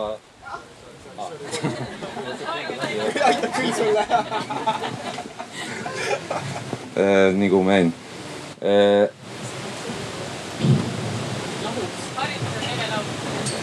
jah, et sa oled kogu selline üldine suundumus natuke nagu tundub olevat meie sellises äh, mugavas heas ühiskonnas. et me nagu kaotame sellised nagu vaheseinad äh, ära, aga ma ei usu, et see on pikas perspektiivis äh, kasulik. ma leian, et need on, kuidas öelda me nagu siseneksime selliste haridusega sellisesse võidujooksu, mida ei ole võimalik võita. et umbes, et kuidagi trumpame hariduse nagu meelelahutuse osas, et haridus ise on veel meelelahutuslikum kui meelelahutus ise aga ma ei usu, et selline asi on võimalik. minu meelest ütleb seda ka ajalooline kogemus. mina isiklikult leian, et äh, ma ei hakka ilmselt või võib-olla hakkan siis midagi sellises akadeemilises stiilis või kuidagi sellist. aga lihtsalt äh, nagu minu puhtalt isiklik kogemus ütleb, et äh, nii-öelda teatud tõed on siiski maailmas ajatud. see, ma ei heida midagi ette suunamudijatele. jumala rahumeel, eks ole, eriti hea on kuulda, kui tuntakse vastutust oma tegude eest, see on ju suurepärane. ka sellel on siis hariduslik element olemas aga et nii-öelda piltlikult öeldes jätta nii-öelda oma liistud sinnapaika ja siis nii-öelda proovidagi noh, kuidas öelda suunata kogu oma energia selleks, et nagu võimalikult meelelahutuslikult seda oma asja ajada, olles õpetaja. Mina ei, mina ei jää sellesse leeri või mina nendega ühte sammu ei astu. kui sa oled noh, teatud asjad on universaalsed, kui sa tahad tõesti saada targaks, siis ühel hetkel sa vaatad tõtt teadmisega, et sa pead keskenduma, sa pead lugema, sa pead tõsiselt mõtlema. ja ma arvan, et või ütleme, elu on vähemalt minule teinud selgeks, et ilmselt see on selline tõde, mis on universaalne, kehtib senikaua, kuni meil on inimesi ma arvan ka, et, et selles mõttes, et haridus on siiski haridussüsteem ja on nii keeruline, et, et võtta kuidagi nagu seda sotsiaalmeedia või meelelahutusmaailma eeskujuks ja, ja üritada sealt nüüd kõike üle tuua või, või äh, kuidagi äh, samastuda ja, ja muutuda meelelahutuslikumaks küllap ei ole ka vastus, aga kindlasti on mingeid äh, meetodeid või, või asju, mida saaks kasutada äh, võib-olla koolis. Ma nüüd küll ei tea, kas midagi kostub, aga kostub või? ma ei tea, kas kuulete. igal juhul äh, tahtsin öelda, et äh, mul endal läheb mõte nii jooksma niimoodi, aga jah ähm,. kindlasti ei ole, on mõlema osapoole eesmärk tegelikult sama äh,, mõjutada inimesi positiivsel moel ja kindlasti ei ole ükski nii-öelda see mõjuisik äh, halbade eesmärkidega, mistõttu ma nõustun täielikult, et äh, haridustöötajad ei peaks tegelikult nii-öelda võistlema meiega või ei peaks üritama olla meie, vaid pigem äh, lööma käed ja tegema koostööd.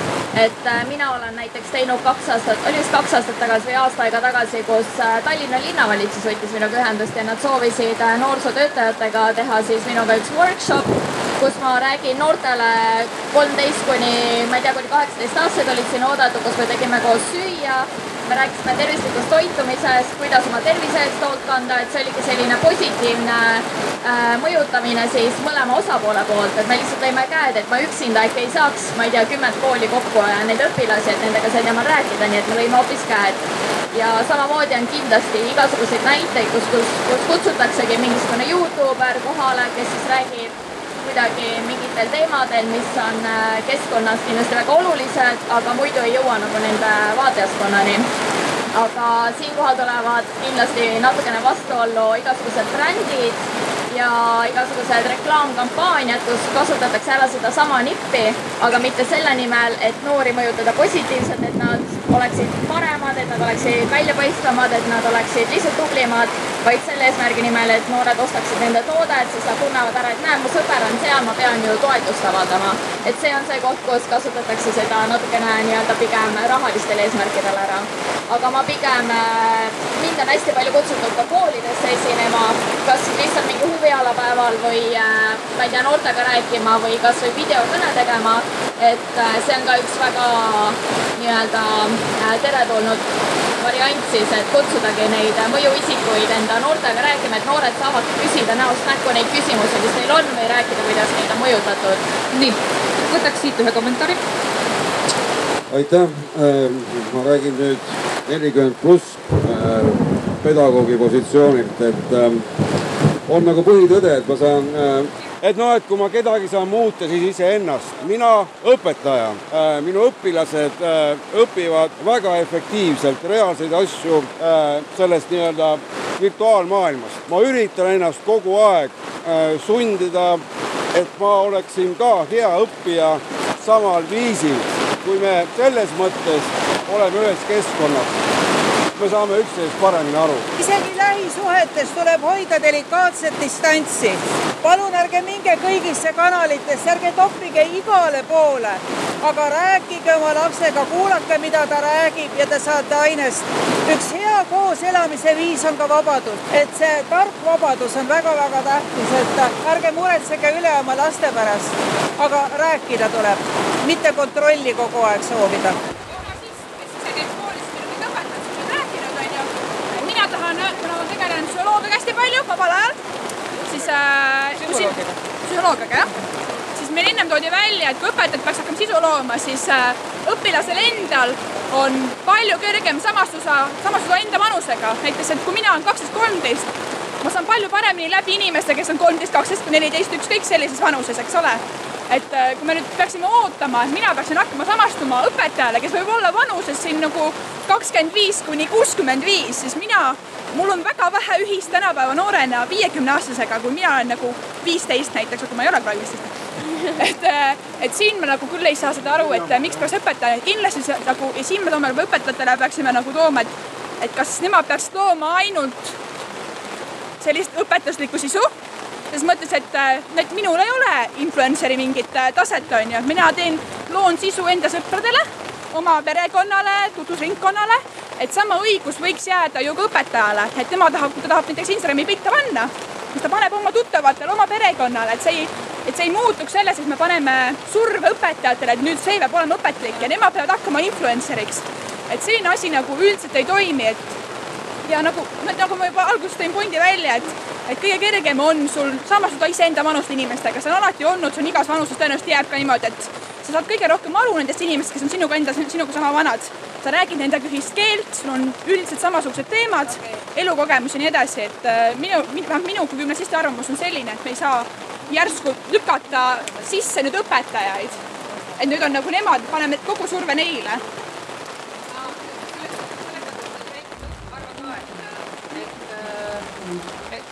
vaiksemalt siin, et äh, see küsimus, et kas äh, õpetajad kuidagi peaksid üritama äh, täiesti siseneda sinna sotsiaalmeedia maailma ja, ja läbi selle õpetada ja, ja noh, kasutama oma sellist persooni selleks, et et kuidagi õpetada lapsi, et noh, võib-olla kui on soovi selleks, aga ma arvan, et küllap seda ei saa ühelegi õpetajale, eks ju, panna kohustuseks.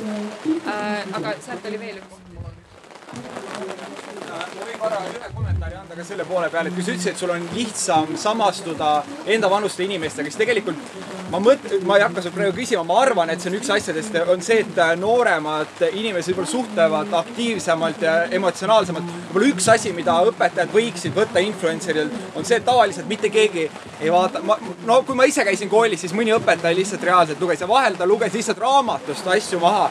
Et kui inimene on, tuleb õpet, tuleb emotsionaalselt. Ja mis on niimoodi ja see, ma kujutan ette, see võtab metsiku energia ära, aga just see on see energia, mida on äh, võib-olla influencer'id, et õppida õpetajatelt, sest sellist asja tavaliselt ei näe mitte keegi. ja ma arvan, et see on võib-olla üks asi, kui üks point on, siis see on ainult see point. ma istun rahulikult maha tagasi. õpetajad ei loo ainult üksinda sisus, aeg on möödas, ma ei tea, millest te räägite, meil on koostöösed tunnid, õpilased toovad materjali, seda arutatakse, õpetaja ei istu dirigendina enam või ei seisa tahvli ees. et ma natuke arvan, et see on nende piltide heiastus, mis meid täna on mõjutanud küllap see kultuurikatkestuse probleem on nii-öelda igal põlvkonnal, eks ole, tuleb silme, et oo, et äkki nii-öelda lapsed on nii-öelda nii palju erinevad, kõik läheb käest ära, eks ole.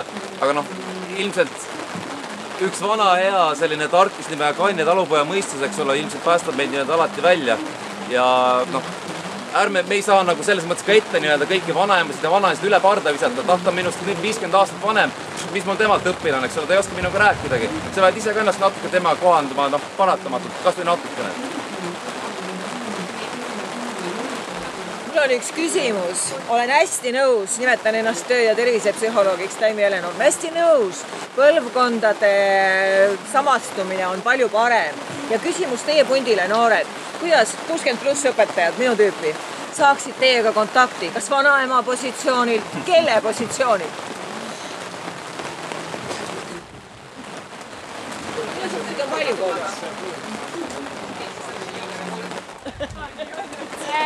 ja mida ma võin öelda, mis tuli nagu minu uuringust ka välja, oli see, et lapsed ütlesid, et kui äh, täiskasvanulised hakkasid nagu tänitama umbes, et nad nägid mingit videot ja et aa, mida sa vaatad seal või siis oli see, et proovisid arutada, siis lapsed ütlesid, et nad lihtsalt ei rääkinud oma vanematega absoluutselt enam Youtuberist, see lükkab nad lukku nad ei taha enam rääkida. mis töötas laste puhul oli see, ma nägin hästi mitu adekvaatset üheksa aastast ütlesid, et nad vaatavad oma vanematega koos või siis nende vanemad vaatavad ka, nad teavad, mis seal toimub. ja kui on midagi sihukest, mis nagu häirib, siis on see, et äh, laps ütles, et nad lihtsalt rääkisid emaga koos nagu suhtlesid ja lihtsalt rääkisidki sellest, et umbes, et kui keegi ütles midagi halvasti, siis miks see halb oli, et ja räägiti ka nagu sellest, et laps ütles, et ja mu ema ütles, et selliseid asju on okei okay öelda näiteks kodus, aga mitte siis, kui teised on ümberringi. ja ma nägin, et lastel tekkis hästi tugev arusaam äh,. oligi, et, et kui lihtsalt rääkida nendega sellest, mitte neid keelata ega midagi, sest keelatud vili on kõige magusam ja see on paratamatu. et ongi, ma arvan, et õpetajate puhul oleks kõige lihtsam see, kui nad oleksid kursis. keegi ei oot-, no ükski õp-, nagu laps ei öelnud, et nad tahavad, et õpetaja oleks rohkem meelelahutuslikum või midagi, vaid lihtsalt see, et nad teaksid, mida nad vaatavad ja nad on sellega kursis, see oligi kõik üsna lihtne. kas nad jagavad? mina ütlen, et äh, kui ma, kui ma gümnasist, ma nüüd põhikoolist on ikka nagu möödas ka juba paar aastat. Et äh, gümnasistis, kui mina tunnen vanemate õpetajate puhul, see on siis juba see, et tekib selline vanus, et sa tahad, et asi oleks kahepoolne, et, et respekt toimuks kahepoolselt, näiteks sama palju, et, et hästi palju vanemate õpetajatega meie puhul on ka see, et juba see, et et tungik või noh, me tunneme nagu minu klassi puhul näiteks paljud ütlevad ka, et nad tunnevad, et neile nagu laetatakse selga, mina olen see inimene, minu autoriteet aga ma olen näinud, et õpilane õpib palju paremini, kui see asi toimub kahtepidi, et, et me arutame, ongi see, mida ennem ka välja tuli, et see arutlustöö toimub jube hästi, et, meil on ka midagi õpetada selles mõttes, et äh, minu arvates on ka see, et nagu see, mida meie saame sotsiaalmeedias laenasid, need kaks koos toimuvad ideaalselt aga et, et seda koostööd tuleks nagu rohkem arendada, et see on nagu, nagu ma mõtlen, meil on ka palju, päris palju kuuekümne, kuuskümmend viis pluss seitsekümmend õpetajaid. et siis see, see vahe on nagu ilmselge, see, see tunne, kuidas õpilased lähevad sinna tundi, mida nad seal räägivad, kuidas nad õpivad, mis on nagu hinnete keskmine, et noh, kui sa näed, et õpetaja, õpetaja on ise rahul ta on rahulikult ja võtab neid õpilasi kui neid endid, et ta ei suru neid ühte kasti kokku, et nemad peavad õppima nüüd ainult hinnetele, noh, meil ei ole näiteks, ma ei käi eliitkoolis, et ei ole seda ainult hinnetele õppimist, vaid on see, et, et sa võid olla see, kes sina tahad see toimub nii palju ladusamalt meie puhul, no kõvasti-kõvasti ladusamalt selles mõttes, et ja siis on ka see, et sa austad õpetajat ka kõvasti, et sa saad aru, et see õpetajal, et tal on oma point ja see, mida ta räägib, on õige ja ma saan sellest mingit asja endale juurde, mitte ei ole lihtsalt see, et öö, ma ei õppinud täna mitte midagi. et nagu ma saan selle kusagil mujalt kergemini, me, vähemalt me, me, minu enda klassi enda kogemuse poolt on nagu see asi toimib niimoodi kõige paremini. aitäh Robinit, et kas kas sina näiteks üldse tunned, et, et sul oleks vajadust, et õpetajad räägiksid noh, ütleme siis, võtame laiemalt, mitte influencer'id ainult, vaid nagu sotsiaalmeedia teemadel? ma arvan, et äh, mul seda vajadust enam võib-olla ei ole juba nagu see õppimine on võib-olla mõnevõrra ära tehtud, et äh, mis, mida tasub usaldada, mida ei tasu. aga kindlasti, kui vaadata nagu põhikooli tasandil või algkooli tasandil, siis ma arvan, seal on see kindlasti olemas et, äh, et sisendadagi neid samu põhitõdesid rohkem kui neid, et, et ma ei tea, vaata seda kanalit ära vaata seda kanalit, et äh, ma arvan, et seal on see vajadus kindlasti olemas. gümnaasiumi tasemel äh, ma pigem kahtlen, aga, aga jah, pigem kahtlen äh, ma arvan, et influencer'ide puhul üleüldiselt ja kogu see äh, sotsiaalmeedia kriitilisus, ma paneksin selle, ta ei ole nüüd täpselt sama, aga ma paneksin ta samma patta võib-olla natukene majandusliku haridusega, ma ei räägi majandustunnist, vaid äh, raha planeerimisest näiteks, mis on tegelikult asi, mida õpetab meile elu ja paljud vanemad ei oska isegi raha planeerida. et samamoodi ka kogu see sotsiaalmeedia kriitilisus on justkui asi, mida elu õpetab ja võib-olla on natukene palju tahetud, et kool seda õpetaks. võib-olla kunagi see jõuab sinnani ja me peaksime liikuma sinnapoole, aga sotsiaalmeedia on lihtsalt üks teema, neid teemasid on hästi palju, mida justkui elu õpetab. kui me läheme ellu ja siis järsku tuff, täitsa lõpp, kus ma selle äh, korteri rendi nüüd ära saan makstud ja kõik asjad samamoodi. et mõned asjad on, mida tuleb eluga, nii-öelda elu ise õpetab seda, ma arvan, et see võib-olla natuke läheb sinna. et ma tegelikult küsiks veel Martinilt, et äh, siin on käinud ka läbi see, oi, oli mikrofon, et, äh, et äh, et ma ei taha, et kuidagi jääks nagu mulje, et, et see arutelu või see point on see, et nii, et mida nüüd kool ja õpetajad peaks lisaks tegema, sest ma arvan, et neid asju, mida kool ja õpetajad juba teevad, on äh, meeletult palju ja, ja et noh, et kus need õpetajad peaksid üldse võtma selle aja, et nüüd lisaks veel kõige kõrvalt hakata Youtube'i vaatama, eks ju. et äh, ähm, jah, mul läks küsimus peast ära, et äh, kas, kas, kas sa õpetad, kas ütleme, Martin, sinu õpetajana, kas, kas sul, kas sa nagu ise ütleme, tunned, et sa tahaksid olla mingil määral kursis ja ühineda selle vestlusega või et noh, et, et pigem, et õpilastel on juba need teadmised ja olla seal kõrval lihtsalt? siin võiks alustada sellest, et võttes sõnasabal kinni eelmisest sõnavõtust, et kas on mingisugune suur vahe sellisel asjal nagu sotsiaalmeedia teemad ja mingisugused muud eluteemad, et mina võin küll öelda, et ma hoian end kuris ja ma tunnen siirat huvi kõige vastu, mis maailmas toimub. uudised, mis iganes kanalist, eks ole. ja lihtsalt ilmselt mina võtan neid vastu natuke teisi kanaleid pidi, ehk siis ilmselt näiteks toimetatud ajalehed kohe kindlasti ma ei väida, et nii-öelda õpilased ei saa põhimõtteliselt sama infot näiteks oma nii-öelda suunamudja kanali kaudu, mis võib ju jumala vabalt niimoodi olla.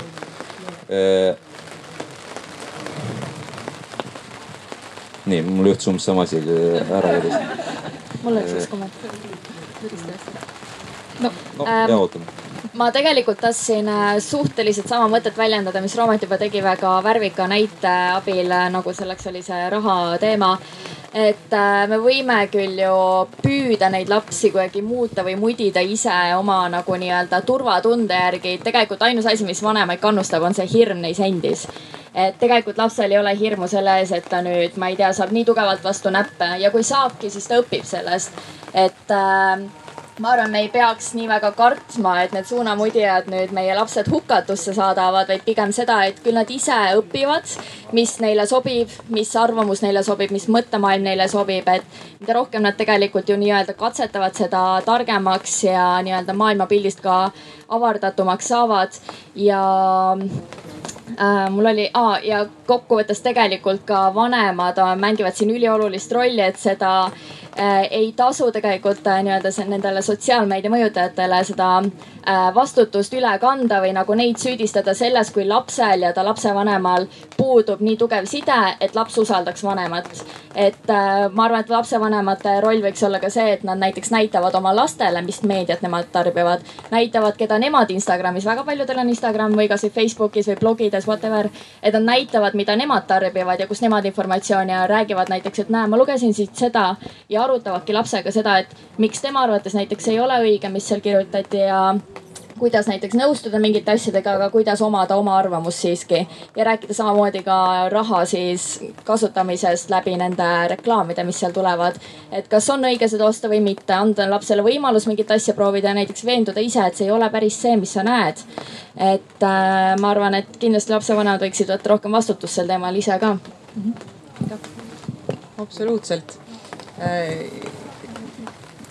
samast teemast tahtsin, tahtsingi jätkata natukene teise nurga all, et, et jah, on ilmselgelt väga hea, et, et kui lapsed, lapsed õpivad katsetades ja, ja oma piire testides ja, ja õpivad ise otsustama. et, et ma jäin just mõtlema selle kodurolli ja kooli rolli üle veel seoses nüüd influencer itega, aga, aga võib-olla ka natuke laiemalt, et, et mida kindlasti täpselt, et see vanem saabki siis ju hoolitseda oma jõu kohaselt selle eest, et tal lihtsalt oleks lapsega piisavalt äh, usalduslik suhe ja et ta viitsiks kuulata ja jaksaks küsida äh,. ja, ja kool äh, seoses selle meelelahutuslikuks muutumisega, et jälle just koolil on ju oma funktsioon ja ka oma tugevused. et äh, see, et võtta lapsi äh, kõnetavaid teemasid, et need on niisugused nagu sisuelemendid, mida minu meelest annaks ära kasutada. aga et need kooli tugevused on ju, ju see õpetaja professionaalsus et, et õpetaja on see, kes teab, kuidas õppida ja õppimine käib ja, ja, ja, ja kuidas ja kuidas seda õppimist kõige paremini toetada. ja, ja et siis neid lapsi kõnetavaid, kõnetavaid teemasid siis selles sellises teaduslikumas, akadeemilisemas süvenemist, kriitilist mõtlemist harjutavas nagu formaadis esitada. et, et see tundub nagu selline kirik keset küla olevat. seal taga oli üks soovija. nii, mina olen mitte lihtsalt äh, nelikümmend või viiskümmend pluss, vaid kohe-kohe kuuskümmend pluss. ja selle teema, selles teemas oli sõna või, see välistab. et nüüd on niimoodi, et kui me jääme selle või juurde, siis kui influencerid õpetavad lapsi rohkem kui, kui, kui influencerid õpetavad lapsi, siis õpetaja, minusugused, neil ei ole mingit osa. Ja vastupidi, kui õpetajad õpetavad lapsi, siis influencerid tegelikult õpetavad ja mõju on mõlemal pool. Ja minu kogemus on selline, et äh, suurem osa lapsi eeldab õpetajalt, et ta oleks õpetaja oma väärtustega. siin on see, millest Martin rääkis, et tema ei tahaks meelelahutajaks hakata ja ma tõstsin käe enne, kui, kui viimane inimene rääkis, ta rääkis äh, üsna palju sellest. et äh, suur osa lapsi, ma ei julge öelda, et kõik, aga valdav osa lapsi hindab õpetaja juures tema professionaalsust. ei ole naeruväärsemat õpetajast, kes püüab vägisi õpilastega sõbraks saada, neile vesti vahele pugeda, see on nii naeruväärne. Nad põlgavad sellist asja alati on mõni, kes ütleb, oh jah, ta on nagu meie. tegelikult nad põlgavad selliseid õpetajaid.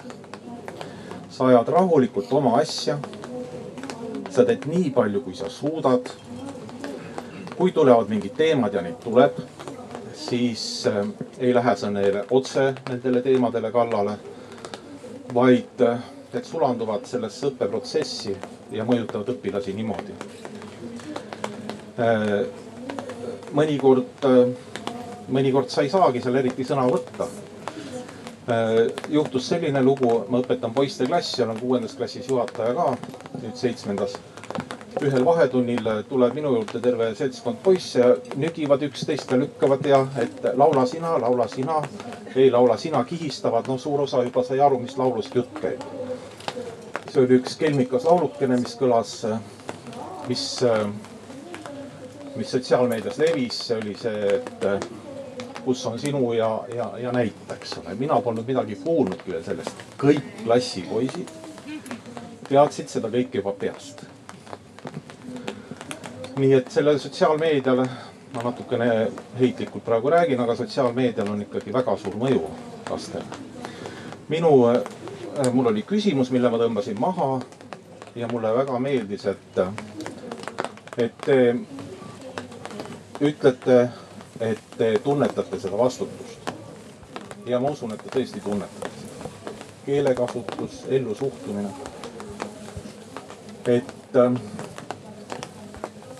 et ma usun, et lapsed ka austavad või, või vaatajad üldse, kuulajad, fännid, ma ei tea, kuidas te neid nimetate, austavad teid selle eest rohkem.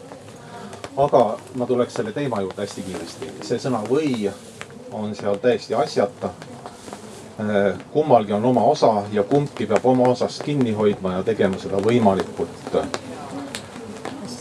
sellele, mida see osa eeldab. et äh, see oli see, mis ma tahtsin öelda. ma korraks võin. noh, teeme kiirelt et ma korra li lisan siia juurde, et ma olen õpetaja, aga ma olen ka kolme lapse ema. Ja mu lapsed on juba vanuses seitseteist kuni kakskümmend üheksa ja, ja ma arvan, et ja ka vanemal jääb see oma roll, et, et ka need, need mõjutajad tulevad, kui on see puberteedi vanus või puberteedi iga, siis nad mingil hetkel nagu ütlesid, et ema, et vot sellel sõbral on selline ema ja sellel sõbral on selline ema, et sa võiksid kuidagi ka olla, et kas juua aeg-ajalt õlut lastega koos või pidutseda või mida iganes. et aga noh, see on seesama, et, et olla sarnane ja ühel hetkel nad on väga tänulikud ja mul on väga-väga head suhted lastega, et igalühel olgu oma roll, kuidas ta õpetab. õpetaja omamoodi, noh, seesama klassikaline, klassikaline teadmiste andmine. Need sõbrad, kas nad siis on seal äh, Facebookis, Youtube'is, Instagramis ja lapsevanemad jälle, jälle omamoodi, et ma olen alati olemas nende jaoks, et äh, ja, ja igalühele jäägu oma roll, et, et see vastastikune austus ja, ja omad rollid õpetada. väga hea, aitäh Äh, meie aeg hakkab vaikselt äh, otsa lõppema, ma küsiks meie panelistidelt veel äh, viimased mõtted. minu arvates see viimane kommentaar siin oli väga hea, et, et igaühel võiks olla oma roll. et kas te tunnete, et te olete rahul selle rolliga ja, ja mis teil on võetud ja et jah ma alustaks, sest ma vastan küsimusele, siis minu sõnavõtt sisaldab hästi kiiret küsimust veel enda poolt ka. minu meelest ei pressi keegi kusagilt, ei riik, ei mingisugused määrused ega asjad midagi peale õpetaja rollis olevale inimesele. temal on kenasti oma vabadus ja roll siis valida ja tundub, et enamasti tehakse seda taaskord lähtuvalt kainest mõistusest, mis no mõtestamine see, et missugune on minu roll õpetajana. aga küsimus lihtsalt oligi selles, et näiteks teie, see nagu siin välja toodi ka, et seda on ju ainult hea kuulata kuulda, kuidas te ütlete, et tunnetate seda vastutust. minu küsimus on see, et kas te tunnete ennast kuidagi erandlikuna või kas te teate ka selliseid nagu meelega nagu halbasid mõjutajaid, eks ole. ma esimesena tuli pähe näide, et noh, meie riigi kohta õnneks ei kehti, eks ole, aga nii-öelda kuskilt leiavad mingid noored poisid üles ka mingid ISISe leheküljed, eks ole, ja nii-öelda vaatavad, oh, mis mingi huvitavat asja nad ajavad, eks ole. põrutavad, eks ole, kui iganes. no taaskord see õnneks ei ole nagu meie probleem. Aga et kas teie olete, esindate sellist enamust või kas, või kas te üldse teate, et on nagu selliseid, kes nagu piltlikult öeldes, kes nagu meelega töötavad vastu a la mitte ainult koolile, aga võib-olla, et nagu juhtida nagu halvale teele või, või võtavad need nii-öelda platvormi omanikud sellised tegelased kiiresti maha või kuidas sellega on? Äh, ma olen selles mõttes, ma olen sada protsenti nõus ja ma arvan, et me esindame selles mõttes enamust, et äh, iga sisulooja Äh, püüab oma tõde rääkida. see, kas, äh, kui radikaalselt see moondunud on sellest nii-öelda kogu üldisest pildist, siis. Äh, ega selles mõttes ISISe vennad räägivad ka oma tõde selles mõttes. ongi, ma mõtlengi, et samamoodi mina nagu teen, nemad teevadki puhta eesmärgiga, et nagu jagada enda tõde, arvates, et see ongi see õige asi. et ma arvan, et keegi selles mõttes äh, nad ei tee halva pärast seda, aga lihtsalt nende sisulooja enda maailma äh, nii-öelda vaade on lihtsalt nii erinev. täpselt samamoodi nagu ennem toodi see Tomsikene välja, siis tema äh, eesmärk on samamoodi meelt lahutada. jah. mis ma siia vahele tahaksin öelda, et et Tomsikene ja laadsed Youtube erid olid noorte seas hästi populaarsed, miks ma üldse hakkasin seda tegema. ja võib-olla, mis siit kaasa võtta, on see, et kui noorte käest küsida, et kas see nali näiteks, kui oli tegemist mingi siis mustanahaliste vastu, et, et siis nad ütlevad, et see on sarkasm, aga ma küsin, et kuidas sa teed vahet, et kas asi on nagu tehtud naljaga või ta päriselt mõtlebki seda halvaga, siis lapsed ei tee vahet. täpselt samamoodi nagu nad ütlesid, et viha kommentaarides äh, kiusamise tunneb ära selle järgi, et kui on hüüumärk taha pandud, siis on kiusamine ja kui hüüumärki ei ole, siis see pole kiusamine. Nad ei saa sarkasmist absoluutselt aru sellises vanuses. et, et selles mõttes ongi täpselt see koht, et äh, aga eesmärk ja võib-olla tõenäoliselt tõenäoliselt sisulooja ise ei saa aru ja ei mõista seda äh, mõju, mis seal taga on. et äh, ma arvan, et kõik teevad puhtast eesmärgist seda, üllal eesmärgil, aga see, kuidas see välja kukub ja mõjutada võib lõpuks äh,. et sellest võib-olla nendel momentidel aru ei saa ähm,. kui, kui sa ütlesid, et äh, kas me nagu kas äh, mõjuisikud teevad midagi paha pärast või hea pärast ja kui palju see nagu nii-öelda mõjutab või kui palju nende populaarsus sellest ka sõltub tegelikult. ega me ei otsusta nii, mina olen mõjuisik ja mul on kohe nelikümmend tuhat jälgijat ja niimoodi see juhtuski, et ma otsustan ja ma hakkan halval eesmärgil midagi tegema ja samamoodi kohe tuleb nelikümmend tuhat jälgijat, vaid see ongi see, et inimesed ise otsustavad, nemad on need, kes valivad ise oma mõjuisikud. et äh, me ei teki mitte niisama, vaid see ongi see, et inimesed näevad midagi head vaevalt keegi läheb kellegi juurde, kes muudab neid depressiivseks, kes äh, teeb neid, ajab neid vanematega tülli, kes ajab neid sõpradega tülli, kes isoleerib neid ülejäänud maailmast. et inimesed ise valivad need head inimesed enda ette, keda siis nii-öelda kuidagi jälgida mingil põhjusel, kas siis, et olla kuidagigi sarnane, saada neilt häid ideid, äh, saada neilt teistmoodi mõttemustreid, mis iganes. et selles mõttes äh, need inimesed ise tõusevad pinnale ja need on tavaliselt ikkagi head inimesed. ja kui rääkida nüüd ISISest, siis nemad tõusid samamoodi pinnale, aga oma radikaalsete mõtlejate seas ja need ongi kogunenud kõik ühte punti. ja jah, me ei saa seda selles mõttes mõjutada aga kui me räägime sellest äh, sinu lõplikust nii-öelda küsimusest, siis äh, minu arvates ka igaüks võikski hoida nii-öelda oma rolli ja teha lihtsalt rohkem koostööd, et äh, kui ma ei tea, lapsel ei lähe koolis kõige paremini, tal on matemaatikas, matemaatikas kogu aeg kolmed, siis lapsevanem ei võta ootamatult seda rolli, et ma ise ka ei oska matemaatikat üldse, aga mina võtan nüüd üle ja mina hakkan nüüd tegema ja mina hakkan õpetama. sellest ei tule midagi välja, vaid ta pöördub haridusasutuse poole, kus ta siis küsib abiõpetajat või järeleandmistunde, mida iganes ja samamoodi võiks siis olla ka influencer'iga, et lapsevanem ei pea mõtlema, et okei okay,, ma siis lähen lapsega koos peole, ma hakkan temaga koos jooma.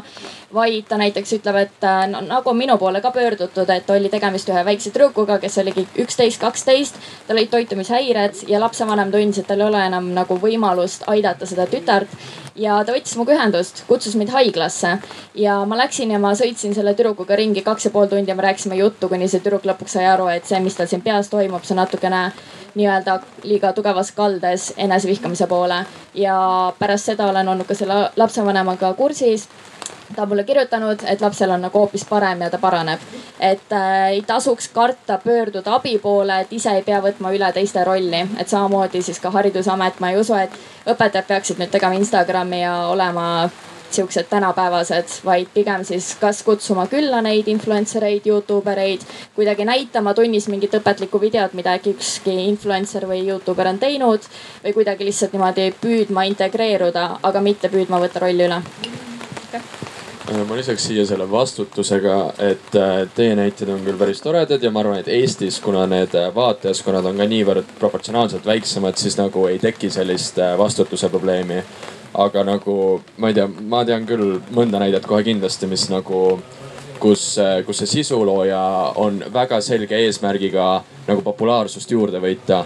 ja selleks äh, tihtipeale kasutatakse nagu väga ekstreemseid äh, meetodeid minu meelest, et, et nende jaoks tõesti ei eksisteeri sellist asja nagu halb kajastus, ma arvan. et, et kui nad, mida rohkem nad pildis on, seda rohkem neil tuleb jälgijaid, kõike seda, seda rohkem on seda ad revenue'd seal, seda rohkem on seda raha äh,, merchandise'i müüki, kõike seda.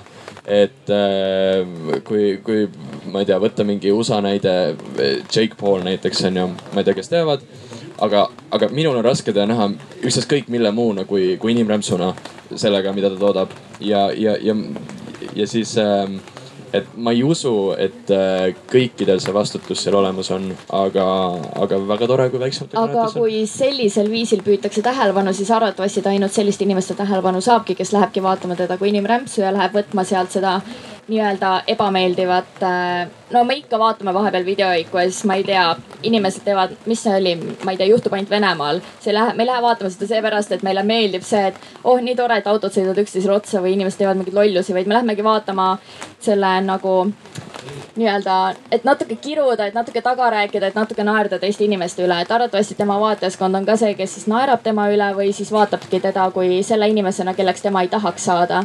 et selles mõttes me ei pea kartma, et kõik need jälgijad, kes on, et nad nii-öelda kummardavad teda või astuvad tema radades. nii, aga ma küsiks ka Ingalt viimase mõtte, sorry. jaa natuke oleks tahtnud ka jälle vastu vaielda, aga seda vist enam ei jõua. et ma siis võib-olla selle viimase mõttena just nagu räägin, räägin ka selle, selle väikse loo või selle väärtuse, mis mina korjasin ja mille eest ma olen tänulik võimalusele siin, siin esineda või osaleda selles arutelus, et see nüüd sundis mind tõesti ka fokusseeritult neil teemadel rääkima oma tuttavate viieteist, kolmeteist ja, ja üheteist aastastega ja Äh, mulle väga meeldis see, kui aktiivselt ja asjalikult nad kõik olid valmis oma kogemust jagama. Äh, ja, ja kui väärikad nad olid seda tehes et, et see andis mulle ka lootust just nimelt, et, et nii vanema kui õpetaja jaoks tegelikult need dialoogikanalid on täiesti lahti. et, et võta ainult aega ja küsi ja kuula. aitäh äh,. jah äh,, võtaks paari sõnaga kokku, mulle tundub, et et, et see, kuhu me lõpuks jõudsime, see rollide küsimus on, on väga huvitav ja, ja võib-olla nagu või võib tunduda, eriti kui on äh, endal lapsi või nooremaid äh, õdesid-vendi või ka õpetajad, et kuidagi see sotsiaalmeedia on noorte jaoks nii, nii oluliseks ja suureks muutunud, et see on nagu igal pool, et tekib väike hirm. Äh, või noh, mul on näiteks noorem õde, et mul on küll selline tunne, et, et mis seal nagu toimub ja kas ma peaksin olema kursis ja et, et noh, et kas see, mida ta jälgib või mis ta teeb seal, et äkki juhtub midagi halba. aga, aga mulle nagu tundub, et, et täna me vähemalt suutsime kuidagi võtta veits seda hirmu maha ja, ja nagu aru saada, et, et ei pea ei õpetajana ega lapsevanema, lapsevanemana kuidagi äh, hüppama sisse sinna maailma, et piisab ka sellest, kui me avatult äh, üritame rääkida ja, ja, ja kuulame noori ja, ja lapsi ja seda, mis neid huvitab, sest nagu näha, nad väga aktiivselt ja, ja rõõmuga räägivad sellest. sest noh, need on teemad, mis neid huvitavad ja meile kõigile meeldib rääkida asjadest, mis meid huvitavad. aga, aga mulle siiski meeldis ka Roometi idee sellest, et, et kui õpetajad, nad ei pea ise olema influencer'id, aga siiski on mingeid asju, mida tehakse sotsiaalmeedias hästi või mida Youtube'is näiteks tehakse hästi ja mida saab võtta üle, noh kasvõi see, et kuidas me õpetajatena esineme või, või mis äh, materjale me kasutame, et, äh, et noh. huvitavat videot on äh, võib-olla huvitavam või noh, põnevam vaadata, kui, kui kuulata äh, igavat loengut. ja, ja samas mul on palju noori õpetajatest äh, sõpru, kes minu arvates väga aktiivselt liiguvad selle poole, et äh, teha oma tunde põnevamaks. jah ähm, aitäh teile, esiteks aitäh meie panelistidele, plaksutame neile